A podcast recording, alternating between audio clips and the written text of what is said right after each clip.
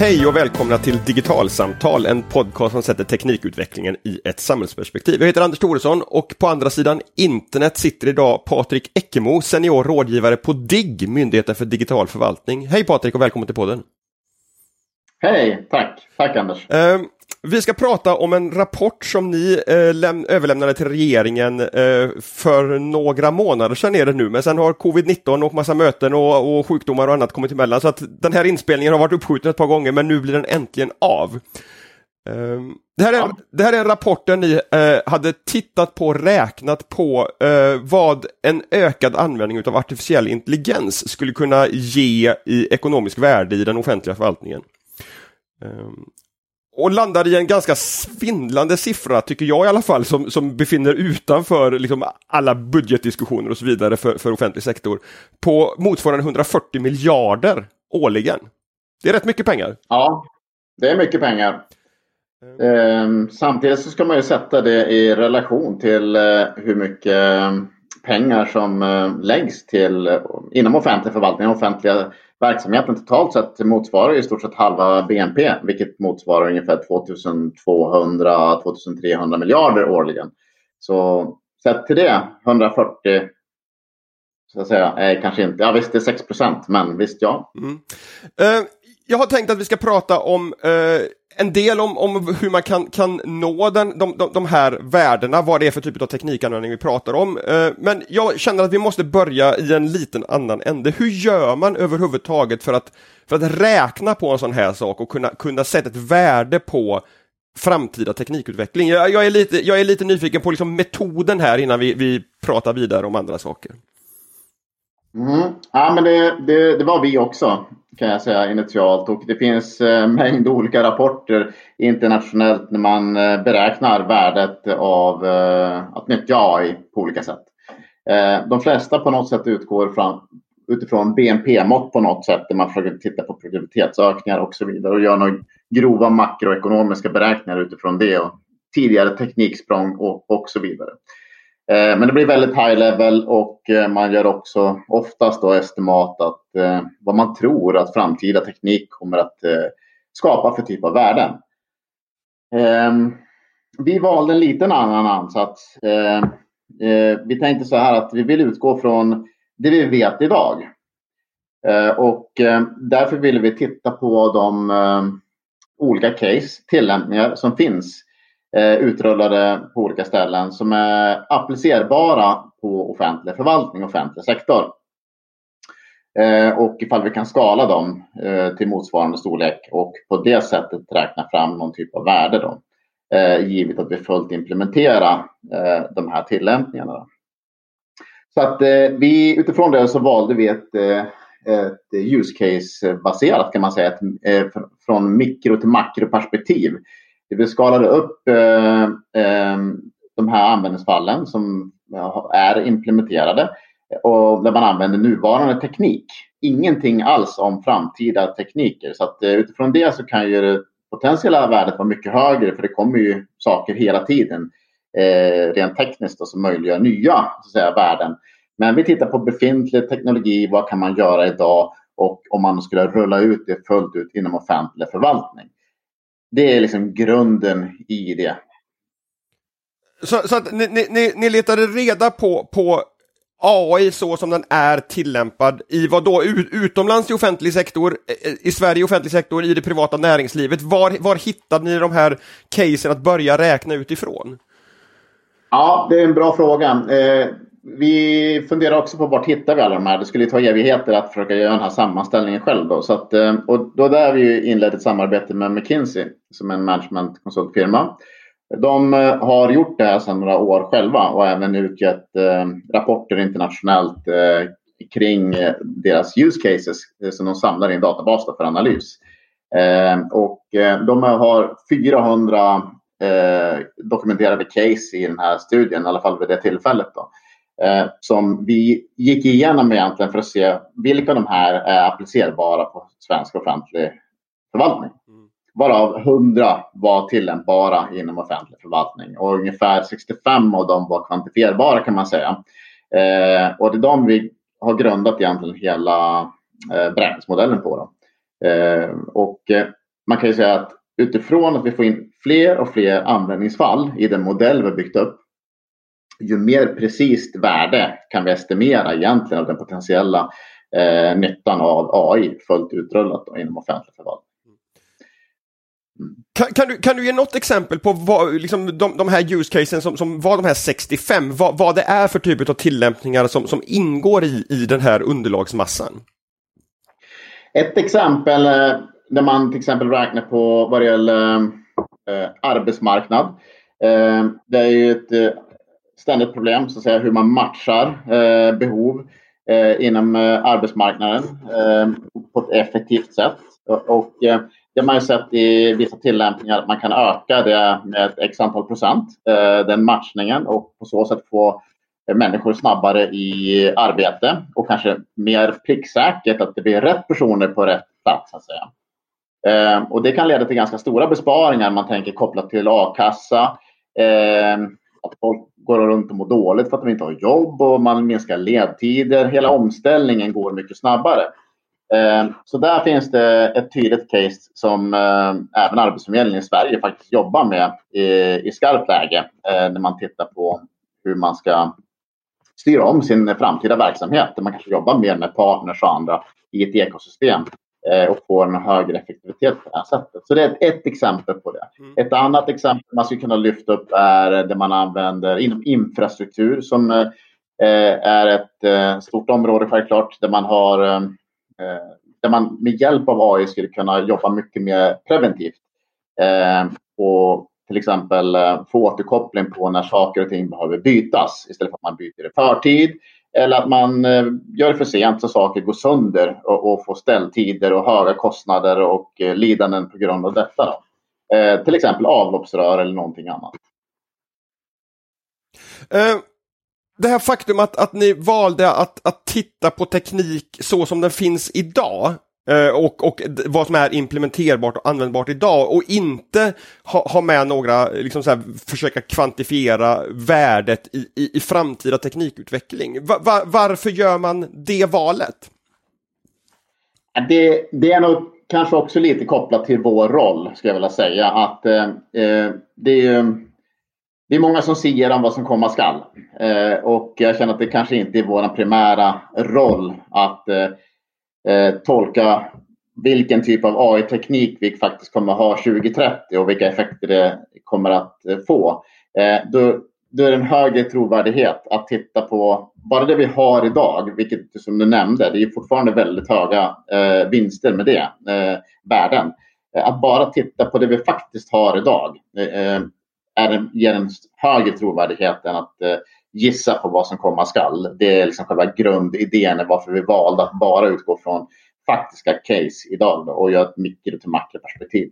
Och, och därför då hamnar man också i ett, i ett belopp, i, i en kvantifiering utav, utav värdet i det här som är ett, som är ett golv och inte liksom ett, ett, ett potentiellt max och så slipper man diskussioner om hur man ska nå dit. Ja, men sen är det ju så också i, i hela liksom, upplägget här, man kan ju diskutera också att vi har ju faktiskt inte i den här analysen tagit med till exempel eh, transaktionskostnader, eh, investeringskostnader om, och, och liksom hela de här bitarna. Och det, det, det hade vi gärna gjort, eh, men det är extremt komplext med tanke på att mycket av AI-investeringarna kommer att ske i de enskilda verksamhetsområdena. Eh, till exempel enskilda myndigheter som ska investera i nya system och så vidare där man vill använda avancerad analys. Det är, det är väldigt speciellt från fall till fall hur det caset faktiskt ser ut. Och man kan ju höra det på fem, tio olika sätt kan man realisera det. Men vad vi har, våran, vad säga, det vi har fokuserat och våran insikt väldigt mycket i den här rapporten handlar ju mycket om att givet att vi sätter någon slags gemensam bas på plats i form av hur vi tar oss an eh, AI-uppdrag och projekt eh, gör att vi kan göra det på ett mycket, mycket säkrare sätt i form av högre kvalitet. Det är mer kanske rättssäkert. Eh, vi kan dela på kompetens. Vi har standardiserade plattformar, kanske liksom märkning och så vidare. Det gör att vi, vi får en mycket högre kvalitet i den utvecklingen som vi kommer att göra framöver och vi kommer också ha större möjlighet att nå den ekonomiska potential vi faktiskt eh, har angett eh, i, i den här rapporten. Då.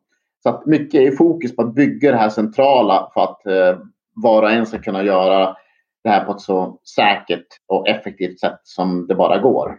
Men, men, men det här centrala, är det någon slags task force, eh, task force en, en, en, en, en elitstyrka för, för offentlig automatisering med hjälp av AI som ska kunna hjälpa olika delar utav, utav, utav offentlig sektor? Ja, man skulle väl kanske kunna se lite grann åt det hållet. En, en, en pusselbit i, i liksom, när man tänker att bygga, det liksom öka Sveriges förmåga att nyttja AI handlar om att eh, ha någon typ av eh, Center of Excellence eller kompetenscenter som kan gå ut och stödja, hjälpa andra att göra rätt. Mm. Eh, för det är väl något vi har sett väldigt, i stort sett alla vi har intervjuat, spelar ingen roll om liten aktör, stor aktör, så finns det ett stort behov av att få stöd vad det gäller kompetens kring AI. Eh, det kan vara ju, juridisk kompetens. Eh, för det kan vara svårtolkat, lagutrymmet, vad man får eller inte får göra. Sen har vi hela den kulturella delen. Eh, törs vi göra? Man blir bestraffad kanske av att göra fel. Eh, så eh, väldigt starkt. Så att, eh, eh, försöksverksamhet, testverksamhet och så vidare. Det är hur många sådana här delar som helst. Så att, um, um, för, um, för, för, för ja. någonstans tänker jag så här, för, för, att, för att nå den här, den här eh, liksom potentialen så, så, så, är det ganska många pusselbitar som behöver falla på plats. Vi, vi, vi har organisationen, vi, vi har liksom eh, organisationernas kompetens, det är teknikutvecklingen, det är tillgång till data, det är lagstiftning och regelverk. Det, det, det är rätt mycket runt omkring när man pratar om AI som, som man inte kanske alltid tänker på, utan man tänker bara på den lilla tekniska komponenten, men sen, sen har vi liksom hela det här komplexa systemet runt omkring. Och det, det är det som är lite grann som du var inne på, organisationen, att kunna stötta med de här bitarna är jätteviktigt. Men det är ju, jag ser det, det vad, vad, vi måste göra det är att vi måste etablera, vilket vi pekar på i rapporten, etablera rätt förutsättningar för att vi ska kunna ta oss an AI. Eh, om vi inte gör det, då blir det upp till respektive enskild aktör att stå för hela kalaset. Det vill säga, alla kommer gå på samma miner. Man kommer att utvärdera olika typer av tekniker och så vidare.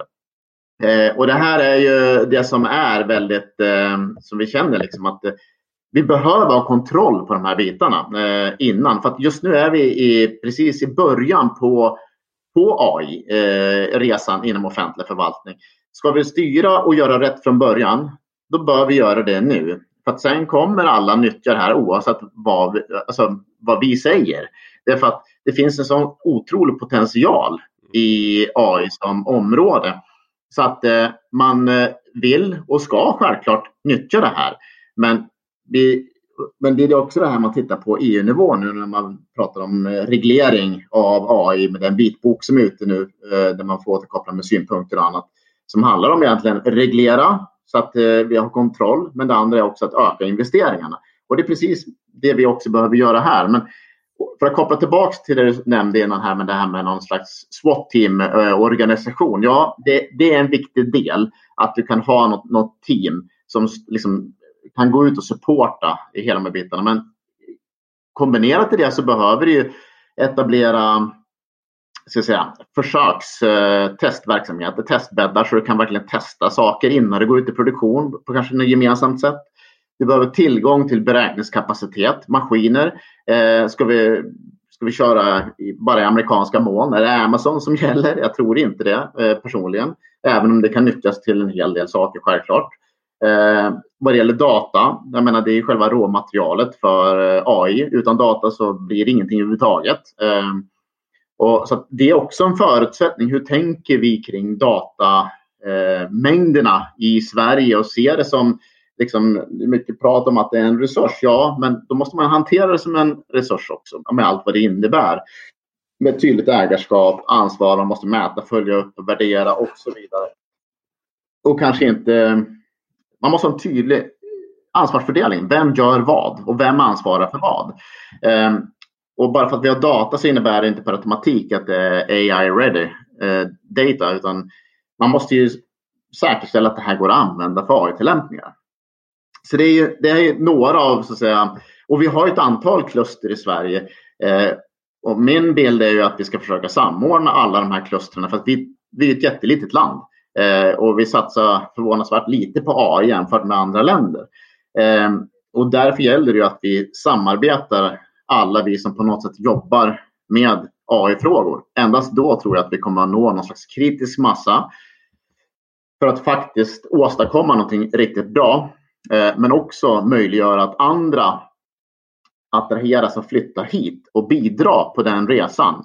Eh, men också kanske säkerställa att vi får mer pengar från EU för att här ser man att Sverige de, de kraftsamlar. De tänker i helhet. De har en strategi, en plan för vad de vill med det här egentligen. Eh, och på så sätt kan vi ja, kanalisera pengar från EU egentligen där de ska rulla ut otroligt stora enorma pengar kring satsningar på AI nu bland annat. Eh, vill vi vara med och ta del av dem och vara en del av den nya infrastrukturen, ja men då, då gäller det att vi samordnar oss och har en tydlig plan och att vi är attraktiva för dem att lägga en hubb här till exempel och mm. så vidare.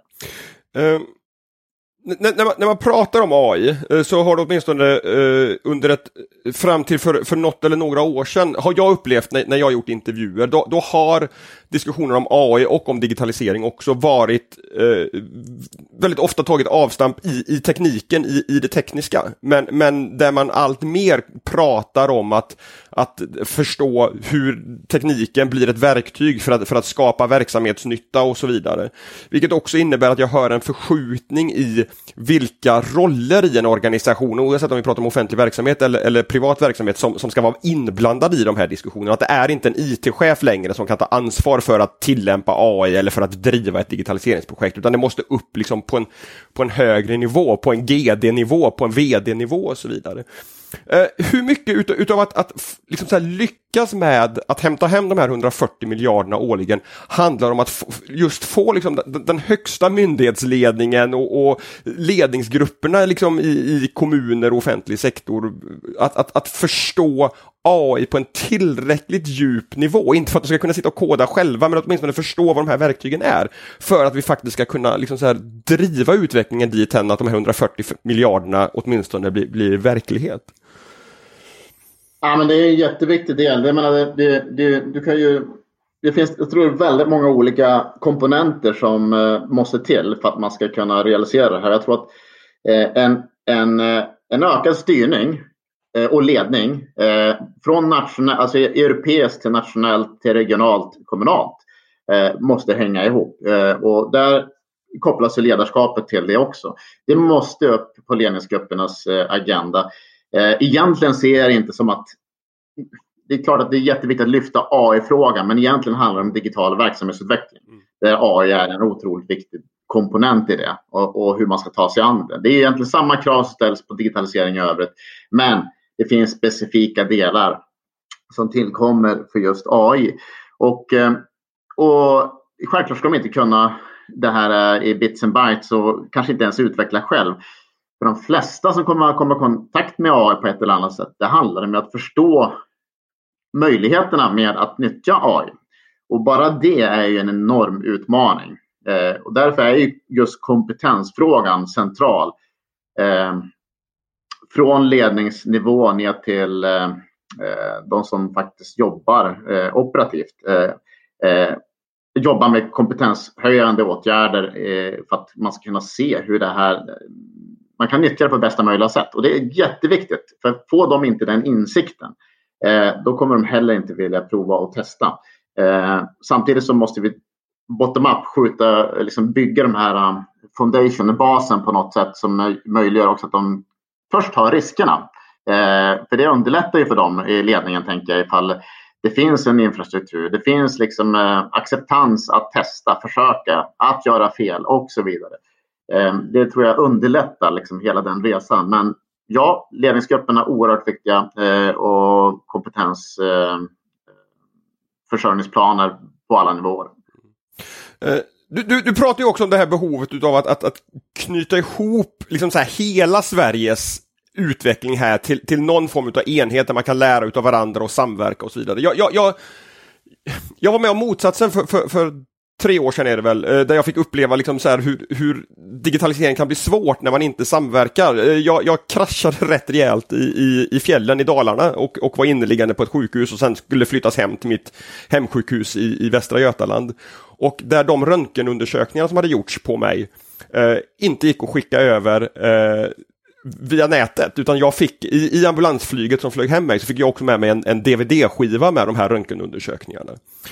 Uh, och det där har jag liksom luskat i och försökt ta reda på, men hur kan det fortfarande 2017 eller 2018 som det här hände vara på det här sättet? Att, att den överföringen var tvungen att ske på en, på en skiva och inte liksom på sekundsnabbt. Och då, då finns det ju massa förklaringar om kommunalt självstyre och så vidare. Men, men för mig som medborgare så blir det här också ett, ett uppenbart problem att vi, att vi liksom, här, här jag förstår ju att det här är ju inte ett tekniskt problem som måste lösas egentligen, utan det här är ju ett organisatorisk utmaning som gör att den här gick som DVD och inte som någonting annat. Hur, liksom de, de, de här svårigheterna att, att utav hävd eller juridik eller revirtänkande eller vad det kan vara, att, att få den här helheten att samverka, att, att göra det här tillsammans för Sveriges bästa. Hur, hur, hur ska vi liksom så få, få de strukturerna på plats tror du? Ja, jättebra fråga och, och stor. Eh, jag tror egentligen, om man ska ta det från makronivån, så tror jag att vad vi behöver är att sluta diskutera om eh, system och, eh, och annat, så att säga, hur vi ska få ihop de här bitarna. I slutändan handlar det om egentligen att eh, vi vill ha en eh, fungerande välfärd i Sverige på något sätt det ska vara enkelt att vara medborgare och liksom ta ut, utgångspunkt i det på något sätt. Eh, vi ska vara en digital välfärdsstat eh, och satsa mot det som led, ledstjärna. Och då, vad är det som krävs för att vi ska nå dit? Eh, jo, men en, en del är ju kanske ökad styrning, reglering. Det ställer krav på alla de här nivåerna. Eh, därför jag menar den eh, Oxenstiernas modell vad det gäller liksom distribuera styre på det sättet har ju servat oss väl. Eh, på många sätt. Men det är specialiserat inom olika domäner, precis som en organisation. Eh, men eh, digitalisering, det är horisontellt. Mm. Det spänner ju över alla. Mm. Och genom att vi inte har någon som ansvarar över alla, förutom regeringen, som inte jobbar med operativa styrning på det sättet. Där har vi en jätteutmaning. och skulle vi ha en gemensam, och där kan man jobba på olika sätt. Man kan jobba med att standardisera underifrån, det vill säga att man måste ju använda de här byggblocken och på så sätt kommer vi få det där att hända över tid. Men samtidigt kan vi också så, jobba med styrning och reglering uppifrån eh, för att de måste till exempel eh, göra vissa saker och, och, och så vidare. Så att, eh, eh jag tror att en kombination av de två, om vi kopplat till en gemensam målbild att det här strävar vi efter, och mycket går ju mer och mer mot så kallade missions. Där man tittar på eh, vad vi faktiskt vill uppnå eh, liksom samhällsmässigt, samhällsutmaningar och annat. Eh, vi har ju OECDs, eh, FNs eh, Sustainable Goals till exempel och så vidare. Va? Man håller bara, bara målen. Och det, jag tror att det, det på den nivån vi ska hitta någon slags formation för att vad vi eftersträvar och, och styra efter. Därför att gör man det, då, då, då, då, följer de här andra besluten förhoppningsvis efter, för då blir det uppenbart hur man, hur man behöver organisera sig. Ja, det, det, det, det är därför. Och då svarar du på varför. Och jag tror att det, det, det där det måste börja. För att annars är vi nere och pillrar och diskuterar eh, i befintliga strukturer som all, ja, det kommer ta evigheter om vi kommer framåt. Så att, eh, Fortsätter vi så kommer vi ha DVD-skiva 2030 också. Aj då.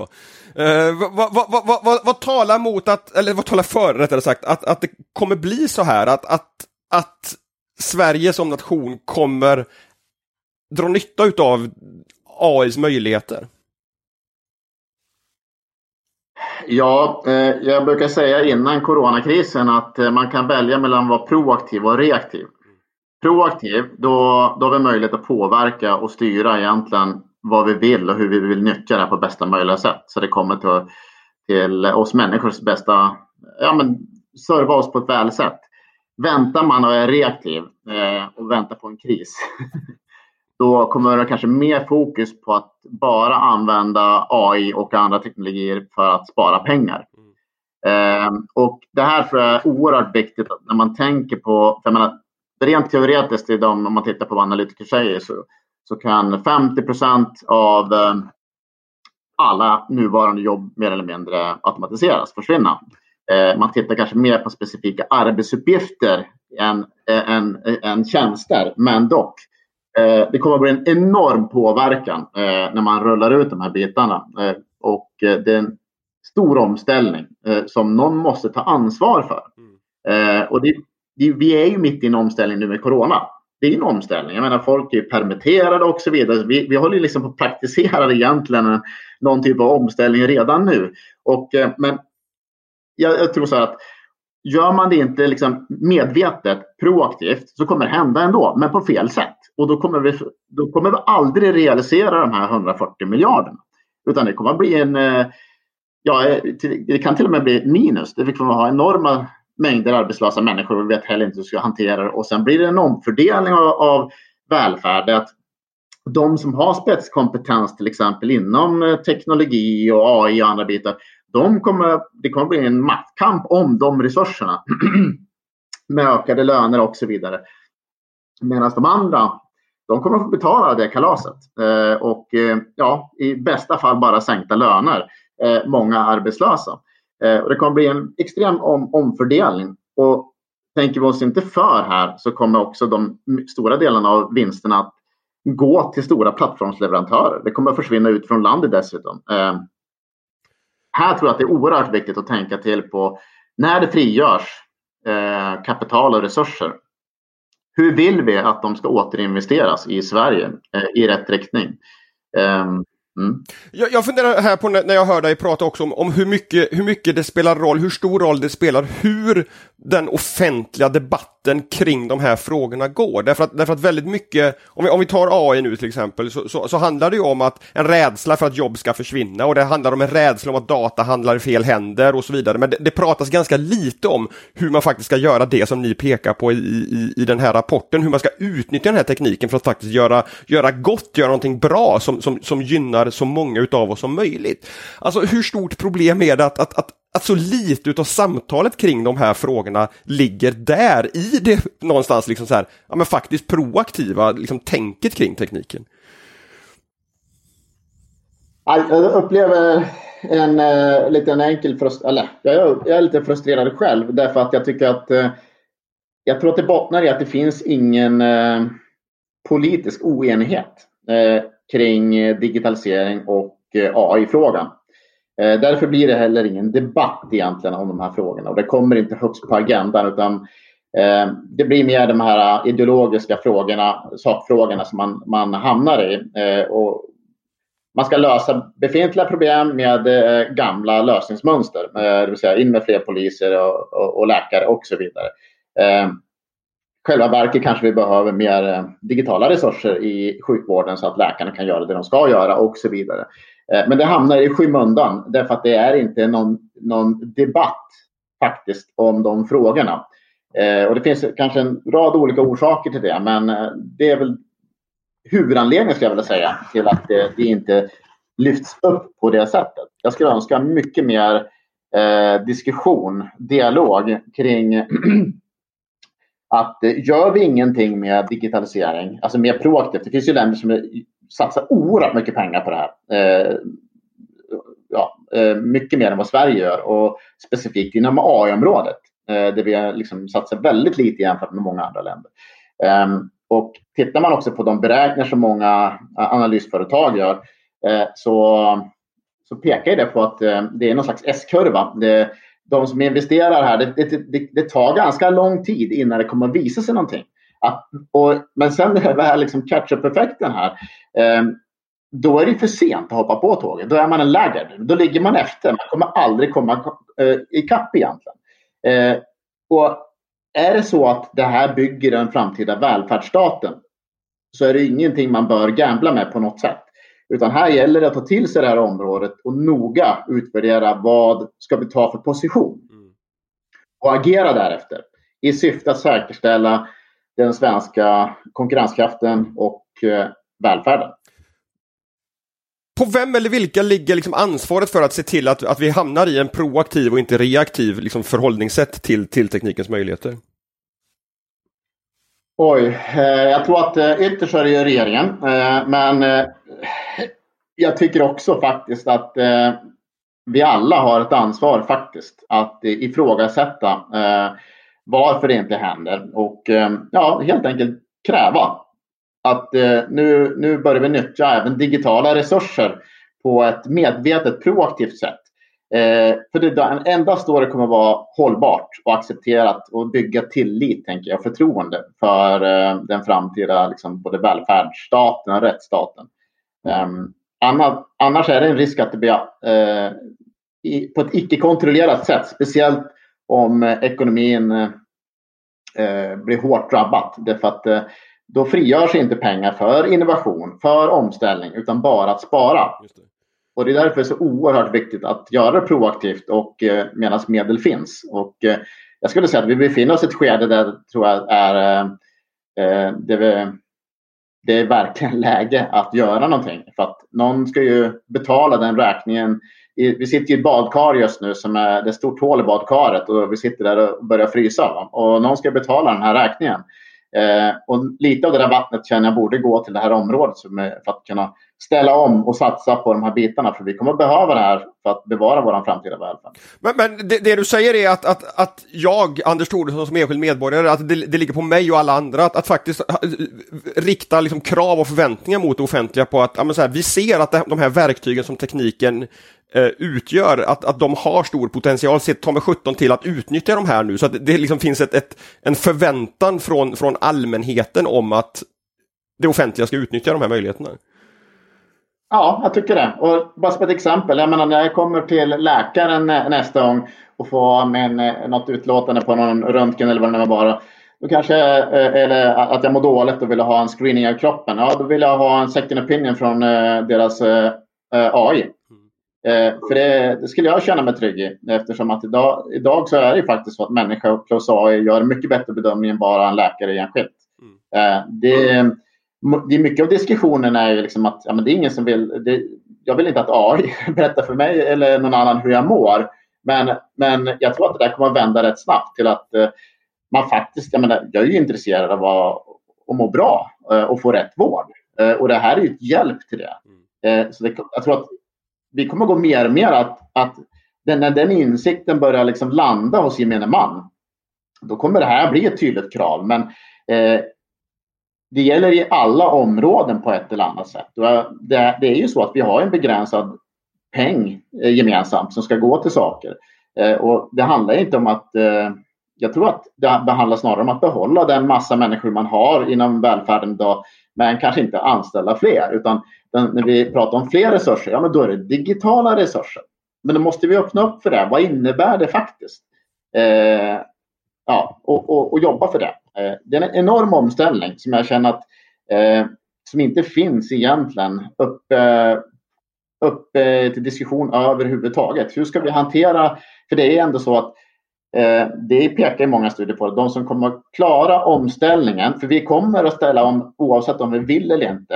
Eh, den som klarar omställningen bäst är de som kommer att gå vinnande ur eh, det här tekniksprånget. Det är de som kommer att vara de framtida välfärdsstaterna. Frågan är, vill vi vara en av dem? I så fall, vad ska vi göra för att ta oss dit? Jag tycker svaret på den frågan är ja. Patrik, stort tack för ett jätteintressant samtal om digitaliseringens möjligheter i offentlig sektor. Mm, tack! Och till er som har lyssnat, vi hörs igen om en vecka eller två. Hej så länge! Superintressant. Eh, um, ehm, ska vi se, försvann du Patrik? Nej? Uh. Ah, yes, bra. Uh, det var um, jätteintressant. Uh, jag, jag får uh,